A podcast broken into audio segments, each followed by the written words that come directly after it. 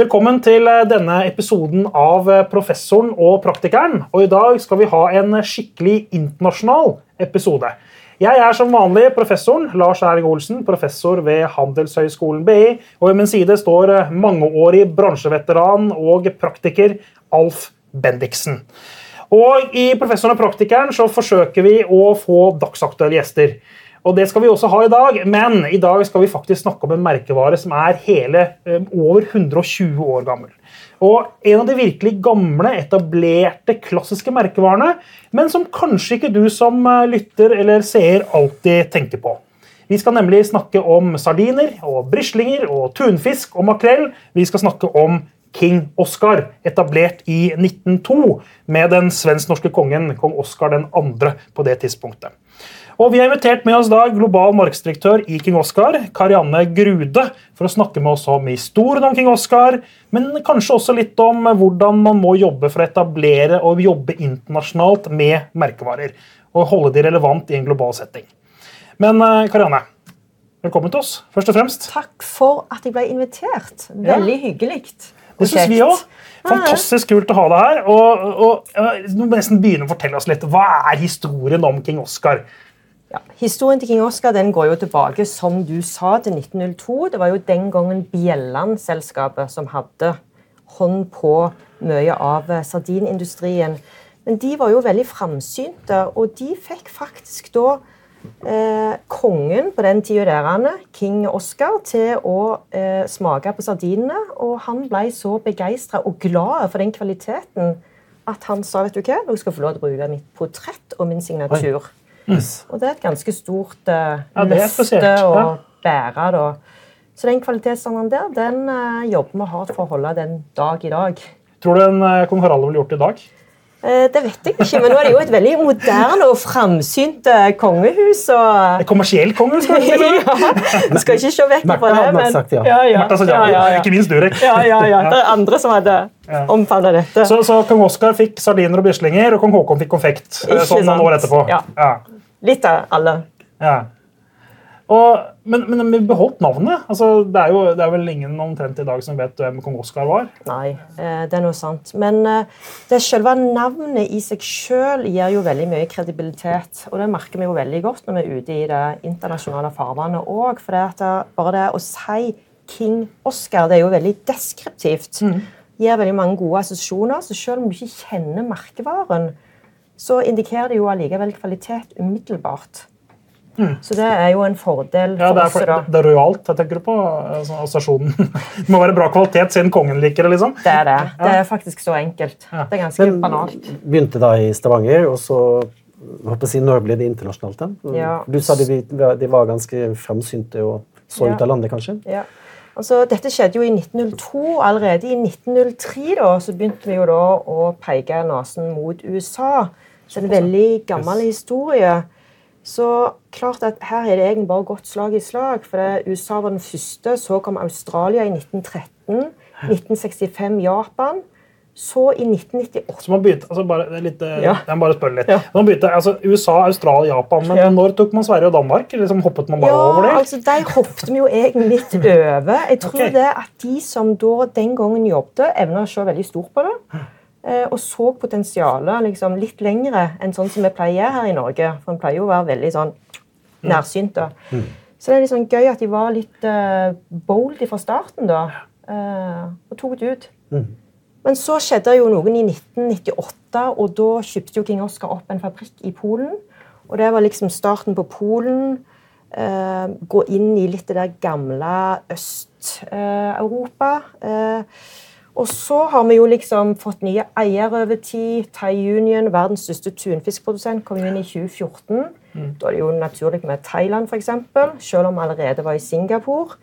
Og så, i 2017, da, så lanserte vi faktisk òg en frossenserie. Vi kom ut av boksen og inn i frossendisken, og det gjorde vi i Kina. Eh, Shanghai. Og så har vi bare lagt på Canada, UK. Ja.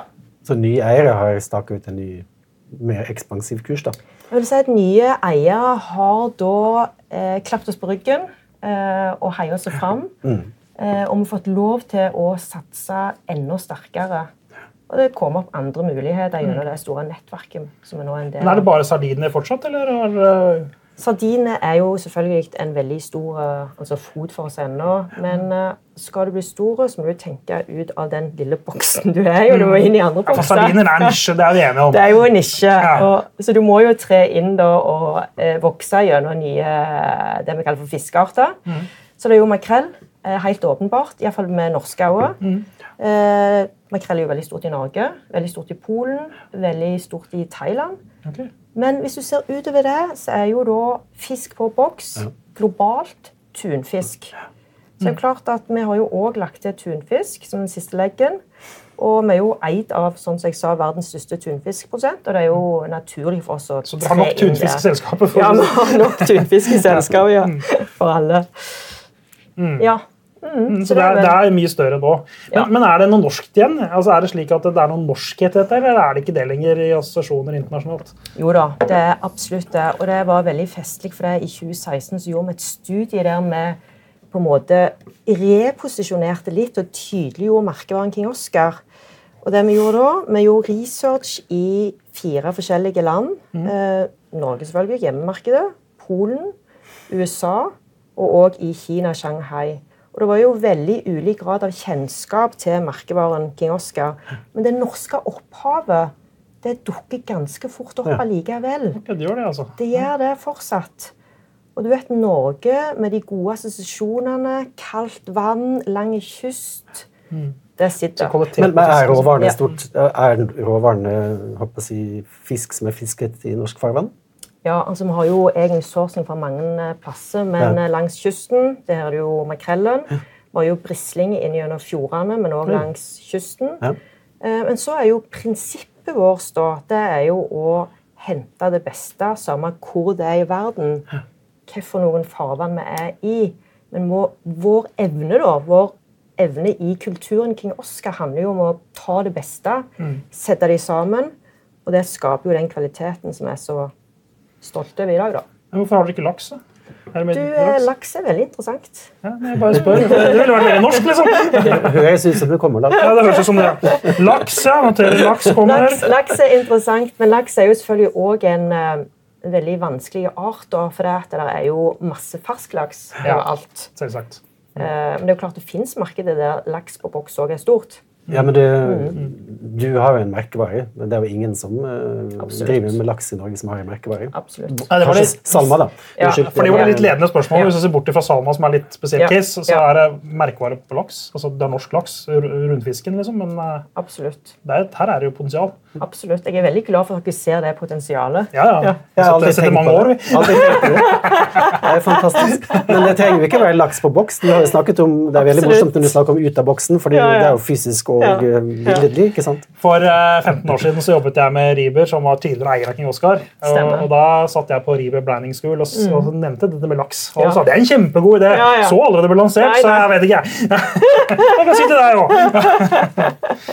Men du, um, dette her med internasjonal merkevarebygging, uh, for å gå litt inn i det. Uh, kan ikke du liksom, Det er jo et tema som er interessant i seg selv. Litt mm. overordnet. Mm. Er det, hva er forskjellen på det og mer sånn nasjonal merkevarebygging? Eller er det det samme? Eh, det er jo ikke det samme, men eh, altså det som er veldig viktig, da, det er jo å ha en god og solid eh, posisjonering i bånn. Et godt rammeverk. Mm. fordi at når du har en merkevare som skal reise litt rundt i verden, så er det jo ulike geografier som tar den ut for deg.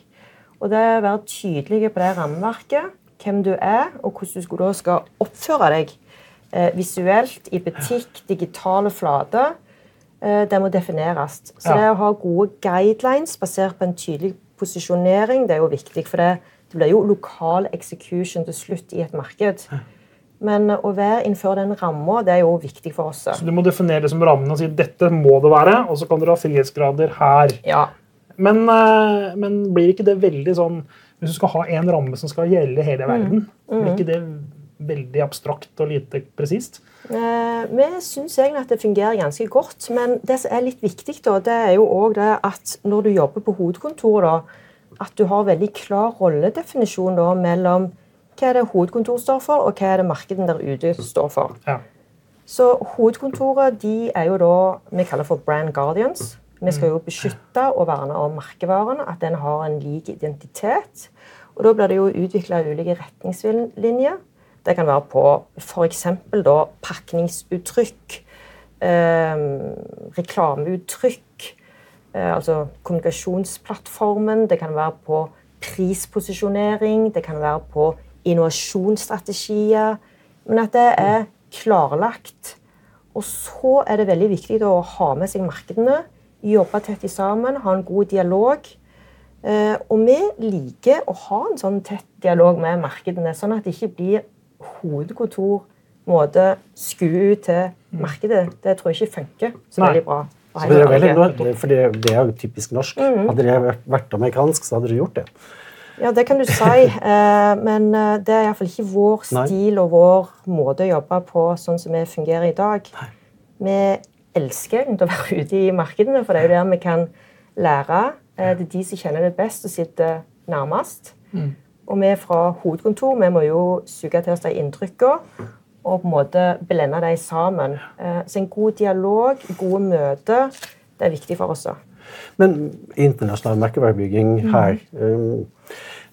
for jeg har inntrykk av at dere, hvis de bygger merkevarer på to akser, da, mm. fysisk tilgjengelighet og mental tilgjengelighet, så har jo dere fokusert på det første. Mm. For, for, jeg kan ikke huske å ha sett så mye kommunikasjon mm. fra Kong Askøy. Altså, vi er jo da uh, veldig avhengige av penetrasjon. Mm. Eh, vi må jo bygge prøving. Vi vet jo at eh, det å bruke priskampanjer det fungerer jo, det er jo nærmest i butikk. Men samtidig så bruker vi jo òg kommunikasjonsflatene. Og det er en blanding av det digitale og òg eh, i ulike land så går vi jo inn og gjør større kampanjer òg. Men det er jo klart at vi blir jo små i forhold til de store gigantene og ikke så synlige. Helt klart. Mm, mm. Men vi gjør både liksom eh, mot forbruker eh, på flatene, men vi er òg i butikk. da. Det er jo ei flate, det òg. Og så liker vi også mange ganger å si at faktisk pakningen er veldig viktig for oss. For det er jo den du står med framfor i butikken. og det er mm. den du liksom... Det er en ganske viktig kommunikasjonsflate. Ja, det, er det. det er den viktigste kommunikasjonen du har. Det mm. kommer en ikke ut, uh, ut av. Nei. Men hvordan er det, jeg, Si litt mer om dette med localization versus standardization. Ja. Altså, hvordan er hva er det egentlig tillater at lokale får lov å mye får lov å tulle med merket? da, og ja. er dere bestemt på forhånd? Ja, Nei, vi liker jo ikke at folk tuller med merket vårt. Feil ord. Det... ikke tulle. Vi må tillater at de får lov å tilpasse. Bedre ord. ja. Men uh, tilpasninger kan jo f.eks. skje da, i kommunikasjonen. Jeg skal ta et veldig praktisk eksempel. Hvis du går inn på Facebook Norge Eh, Facebook USA, Facebook Polen, så vil du se at det er litt ulike stil. Mm. Uh, spesielt vil du kanskje merke det i USA, for det er jo veldig lett for oss å lese engelsk. Mm. Ikke så lett på polsk. Nei. Men du ser jo humoren og den dialogen du har med communityet ditt. Altså de forbrukerne vi har der inne, de er veldig egentlig glade og forelska i oss. Det er et lite samfunn i seg sjøl. Det er Sardinklubben. Det er Sardinklubben, ja. Og de, de, har liksom en tone og en stil. Og selv om den gjerne ikke er nødvendigvis akkurat på samme måte som snakker i Norge eller Polen, så må de få lov til å ha den. Ja. Fordi det er noe som er veldig unikt. Så Den er lokal? Liksom. Den er lokal, ja. ja mm. Den må den være.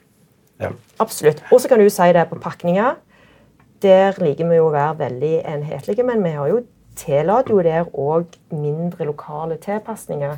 Det kan gå på produktclaim, eller det kan gå på altså, enkle ting som eh, hvor store disse ingredienssymbolene er f.eks. Ja, det er vel litt lovgivning òg, er det ikke det? Eller er det ikke forskjellige lover? Jo, og det er jo forskjellige lover også å forholde seg til. Mm. Så vi kan jo ikke claime på samme måte i USA som vi kan gjøre en før EU, f.eks. Ikke sant? Ja. Mm. Mm. Men er det håper si, latinos først og fremst som spiser dette, her, og asiater? Eh, tenker du på Sardiner og den typen mat? da? Nei, altså det vil jeg ikke si. Hvis du ser i USA, så blir du spist av Din alder altså. litt eldre. Ja. jeg vil ikke si at det, at det går imot ei spesiell målgruppe. Sånn sett, Jeg vil heller si at litt sånn som du er inne på, at altså, vi er godt festa i mann. Mm. 50 pluss. Det er det, altså. Så jeg hadde rett. Ja, ja, ja, ja. Og jeg elsker fisk. Eh, og du kan ikke føre litt den troika-reklamen. Hun sitter bare og piler av lag for lag. Det er litt sånn for mannen òg. Han åpner opp boksen, kikker nedi, så flott det er, for de ligger jo veldig festlig eh, anlagt. Å kose seg, liksom. Det er litt sånn kosetid for meg sjøl. Vil helst jeg ikke har noen andre rundt seg, da. Sitter med en Jeg kjenner meg litt, jeg kjenner, ja, ja. Jeg kjenner meg jo litt igjen. Altså, hvordan, kjenner- hvordan spiser du din lille brisling? Tar du ut eh, margen, f.eks.? Kutter du sporen? Nei. Nei, nei, Spiser du alt? Sa noe helt! Ta alt, ta alt. Må jo kutte det du ikke skal spise. da. Da jeg var liten, så gjorde jeg det. sånn. du. Ja, ja, du gjorde det. Ja, ja, ja. Men da nå spiser jeg hele greia. Ja. Men eh, jeg kan si det at eh, jeg likte jo ikke sjøl eh, sardiner før jeg begynte i King Oscar. Jeg hadde jo aldri smakt det. Og det tør du å si her. Det tør jeg å si her. For det, at, eh, det er akkurat sånn som oliven. Du må bare prøve Ja, det et par okay. ganger, og så plutselig er du helt hekta. Acquired taste. Det er jo det du snakker om. Mm. Men ok. Nå bruker jeg det alt. Det er som Jeg- bacon. grunnen til at jeg spurte, er jo at jeg, i, i Norge så spiser vi jo nesten ikke Egg og sardin. Nei, Vi spiser jo nesten ikke klippfisk. Jeg, I Ja. min naivitet trodde jo at det bacalao kom til å bli en kjempestor hit i Norge, men det er nesten ingen som spiser den. Stemmer det. Og og så tenkte jeg kanskje, Men vi eksporterer jo til Spania, Italia, Portugal, Latin-Amerika, så jeg tenkte kanskje det var litt det samme bruksmønsteret da, som dere følger. Ja, men eh, det du kan si, da, det er vel det at det er litt sånn eh, gjenglemt, for å si det sånn. Du trenger jo påminning om de type fiskeslag som Det kom så mye annet, vet du. Eh, Ja, og- taco og pizza. for eksempel. Så du trenger å bli påminnet om, eh, om det du har tilgjengelig. Men det er klart at for en mann eller for en forbruker som elsker fisk, så er jo sardiner tipp topp. Ja. Så kan du ikke føre deg da at den mannen, den dama, de spiser jo alt. Er du på sardin, så er du virkelig på hele fiskepaletten. Elsker du bare tunfisk, så beveger du deg jo ikke så stort opp. Nei. Sant? Så vår Sardiner er litt mer komplekst. det er det. Så vi har jo Ja, strategi kryssceller innenfor de ulike livsfasene. Eh, der vi bruker selvfølgelig tunfisk på de yngste. Sant? Makrellen er jo for alle, og sardinen er gjerne for den litt mer eh, acquired. Sånne som meg. Sånn, sånn, sånn som. Da, Ja. da blir det ikke mange, Ja. vet du. Nei, det gjør ikke det. Dette er, dere er jo veldig avhengig av, dere er jo mange markeder, som Ja. Mm. du har nevnt. og jeg vet at Dere er store i USA og dere er ja, mange steder. Men hvordan er det dere jobber nå for å, liksom, å finne ut av lokale forbrukerbehov? Altså, er det, Mm. har dere et eget nettverk som finner dette, eller har dere, bruker dere byråer? eller hvordan er det liksom dere... Det det viktigste eh, kilden egentlig informasjon det er jo da at eh, vi gjør markedsbesøk, som jeg kaller det for. eh, høres veldig eh, komplisert ut, men eh, det vi har brukt mye tid på, det er jo faktisk å gå rundt i butikkene. I de markedene der vi vet det skjer mye. Klassisk sånn ståsjekking? har du tenkt på? Ja, ja. Klassisk ståsjekking, rett og slett. Eh, Det skjer jo da ofte at vi bruker mye tid på det i USA. For der har du jo alt. Du har ulike retailerkjeder som ikke eksisterer i Norge, Europa. Trader Joe's, f.eks. Sustainability. Uh, Du har Whole Foods. Nå er jo Whole Foods i UK òg, så du kan jo lette på tilgang til det. Men det du ser der av trender og smaker på pakning Det er så mye inspirasjon. Og ofte så går vi òg i andre hyller enn våre egne. Det er jo egentlig der helst er inspirasjon å hente. For eksempel, jeg og vår produktutviklingssjef da, vi har gått mye i chipshylla og sjokoladehylla. Jaha. Ja, det høres veldig Ja, eh, det høres litt rart ut ut. når du skal lage sardiner. Ja. Det er fordi de som er dyktige. De er dyktige. Ja. Så kan du gå og ta deg et lite besøk eksempel, i eh, olivenoljehylle. Det er jo masse inspirasjon der òg. Du kan gå på de som da har eh, altså hermetiserte, fermenterte grønnsaker. Eh, Men du må være litt sånn kreativ og åpen, da. Eh, Men det er egentlig beste plassen å spotte og få informasjon. Så har du jo òg den fordelen at vi da er til stede i utrolig mange markeder. Så vi får jo lov til å reise og besøke og se mye. Og vi vet jo at trendene kommer sist til Norge. Og det å få da bruke nettverket, vårt eget salgsnettverk, at de rapporterer tilbake til oss òg, er jo òg veldig bra kilder. sant? Folk i Australia, folk i Asia, folk er ditt og datt. Eh, Så har vi jo nettverket vårt, søsterselskapet i Thai Union, Så sitter da i UK, f.eks. Italia, de sitter i Frankrike, Tyskland. Italia er jo et marked der det er veldig mye kvalitetsprodukter. Sant? Kjekt å ha de da som er kilde. UK, sant? som òg er veldig langt framme på trender. Så det er nettverksbygging? eh, Det er jo det grad, altså. ofte. Byrået er egentlig nesten sist nede. Men Hva gjorde du under pandemien da du ikke kunne reise? da? Nei, men eh, vi snakkes jo på Teams, og det har vi gjort i alle år. som vi har gjort Så hadde virtuell ståsjekk med Teams? Ja, Jo, men du, ikke det samme. Nei, du, du har jo en ganske tøff jobb i butikk, for du har en ganske liten kommunikasjonsflate på produktet ditt. Ja, du har det. det Og så, og så er, du står jo ikke i handlegata sammen med Stemmer de høyt rullerende produktene. Ja. Mm. Så, så jeg som shopper må jo oppsøke produktet ditt for å finne Stemmer det. markedet. Ja. Ja, Det er jo det- en stor utfordring. Ja, og det er en kjempeutfordring som du påpeker. Det er klart at de Boksene våre når de er liksom så store, altså mindre enn det glasset der, og du da skal kommunisere, så har du veldig begrensa muligheter. Det er smått, i hvert fall. veldig, Ja, det er frimerking. altså Det gjelder å være tydelige, men derfor har det også vært veldig viktig for oss å bygge en rød vegg Ja. i hylla, sånn at når du kommer inn, og det er så små produktpakninger, så skal du i hvert fall møte et hav Jeg var, av en hva ville kong Oskar ha sagt om det? At han nå assosieres med en rød vegg? Nei, Altså, gud, altså, jeg tror han hadde elska det, egentlig. det Konge, kongekappen Ja, da, i farge. Ja. men da har du løst den utfordringen med fjernsignal i butikk. da. At du har en rød vegg som du sier, som er Ja, brand, ja. Og så har du masse små produkter på den. Ja. Ja. Vi prøver prinsipielt å gjøre det, men det er jo klart at når du utvider Dette var jo mye enklere før når det var en mindre produktportefølje. Ja. Men vi ser jo det i markedene der vi går nå bredere, bredere, bredere. Så er det jo òg det med å differensiere produktene, når du kommer da til hylla som forbruker, og det er små pakninger og lite altså, flater å kommunisere på. Så det er liksom en dualitet, fordel og ulempe. Ja. Men eh, nå har jo vi etablert her i dag at du skal lansere hermetisk laks. Eh, så hvordan går du fram for å finne et marked for det? da? Hvordan, er det, liksom, hvordan åpner dere nye markeder? Hvordan jobber dere på den måten? Ja. Jeg kan jo si det at det som er veldig viktig for oss når vi skal da inn i nye markeder, det er jo å forstå nummer én altså er det et behov. altså Eksisterer det allerede altså bespisning av hermetisk sjømat? Det er sånn som Jeg snakket litt til deg og nevnte noen markeder i Asia er jo veldig sånn ferskvaredrevet. Ja. Vi snakket om Sør-Korea altså, og makrell. Stemmer det. Ja. Og da er det mye vanskeligere å komme inn. Da må du jo etablere noe fra starten. Det er litt sånn i motvind. Så det er best å være i medvind.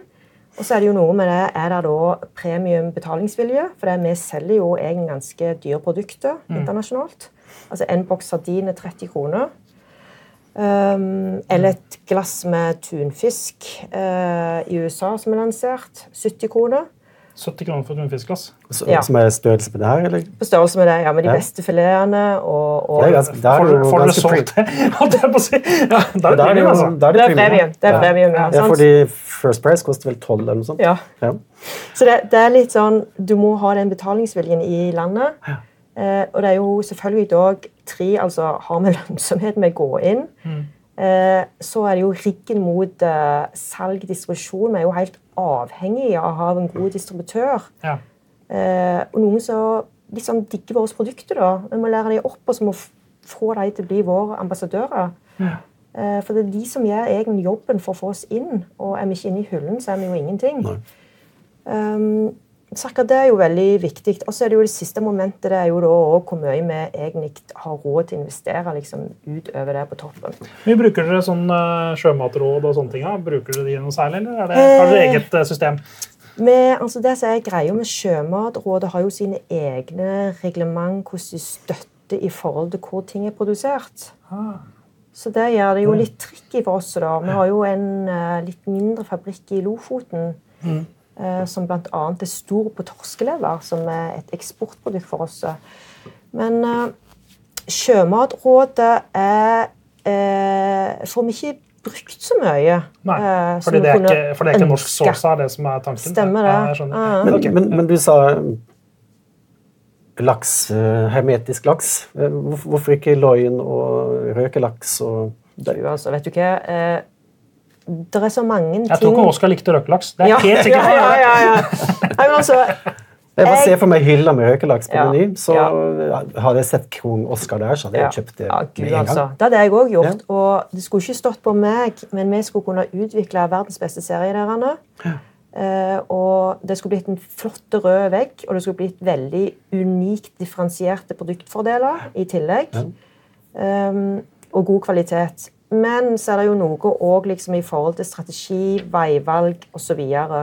så det er klart at her beveger vi oss jo inn på litt eh, vi større nå, nå vi på forretningssensitive ting, Ja. eh, Alf, men, Ja. eh, men det er det er duly noted. Forslaget om Ja, røkelaks. Ja, men, eh, men jeg har notert det bare Det er det gjøre. at, at det er flere enn meg som ønsker å utvide, for å si det sånn. Ja, ja, ja, ja. Det men jeg. syns det er sagt mange ganger, dette med ut av boksen. Ja. Hvis du virkelig skal ut av boksen, så må du begynne å lage røkelaks. Absolutt. Ja, men den Thai Union er jo ikke notert på Oslo Børs. Det er jo ikke noe problem, tror jeg. Jeg tror ikke det er noen investorer som eh, Det er kanskje på New York-børsen eller noe sånt? jeg vet ikke. Asiabørsen. Asiabørsen, ja. Ja. ja. Han passer deg nå. Hengseng i Kina.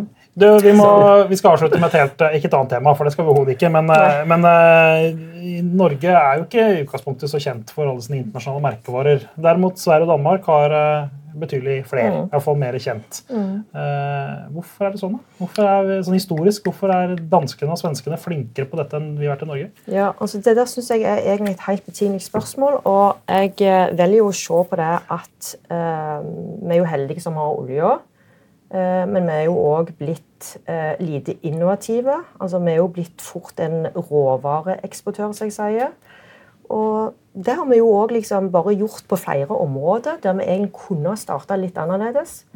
Laksen den blir òg bare sendt ut. Men det ut. kunne jo også sardiner vært i sin tid. Altså, Ja, det det kunne også bare vært sånn norske sardiner i bulk. Stemmer det. Det er veldig atypisk ut, ja. norsk virksomhet, egentlig. Ja. mhm. Men uh, det er noe med å tenke liksom, uh, muligheter fra starten, og, og tenke langsiktig, da. For det må du jo. Du må jo bygge opp noe over tid. Det lar seg liksom ikke gjøre gjerne å få inn den gevinsten liksom, på dag én. Og den viljen og den evnen derene, den må du ha. Så det er langsiktigheten vi i norsk kultur da mangler, er det det du sier? liksom? Jeg tror det er på noen områder, men det er jo klart at eh, det er jo en investeringsuvilje eh, uvilje hvis du allerede tjener gode penger på å bare eksportere det du har. Det er jo det enkleste av alt. Det er jo det. For det, det er, egentlig så er det ganske rart. Samtidig så er det lett å forstå, fordi vi har ikke hatt, eh, det har ikke vært nødvendig for oss å bygge internasjonale merkevarer. Vi har klart oss uten, og så har vi blitt veldig gode på det. Og Victor Nordmann snakker jo om at det, det er unødvendig også. tror Jeg leste en kronikk av han i Dagens Næringsliv. Jeg er jo helt uenig med han. Men eh, jeg spesialiserte meg jo på internasjonal markedsføring på Civic-studiet. Eh, det jeg ikke visste, var at det fantes jo ikke jobber. Så jeg burde dratt til Bergen skjønner og begynte i- hos dere. Men, men, men, men den spesialiseringen var jo når det kommer til stykket bare tøys. Altså, vi lærte at eh, du skal dra på messer og sånt. ikke sant? Ja. Det var liksom det mest fantastiske Det var det som var spesielt med Ja, internasjonalt. ja, ja, ja. Husk, husk messer, da. Ja, dere. Det er det jeg husker fra studiet. Ja, altså, og reis mye med fly. Men eh, som vi sa, siterte Pete vi begynte her i sted, nemlig danskene de er veldig flinke på å internasjonalisere næringslivet sitt. Og det er jo som Pete Hine sa, at eh, og det er fordi we have no natural resources, we have no eh, energy, we have know-how. Eh, og det har de jo lært seg, da. Og så har de blitt flinke på det. Og når du først får til den ene, og den andre, og den tredje og den fjerde, så blir det jo en kultur eh, for å drive med eksport. da. Mens vi har ikke eh, hatt den samme kulturen. Og nødvendigheten.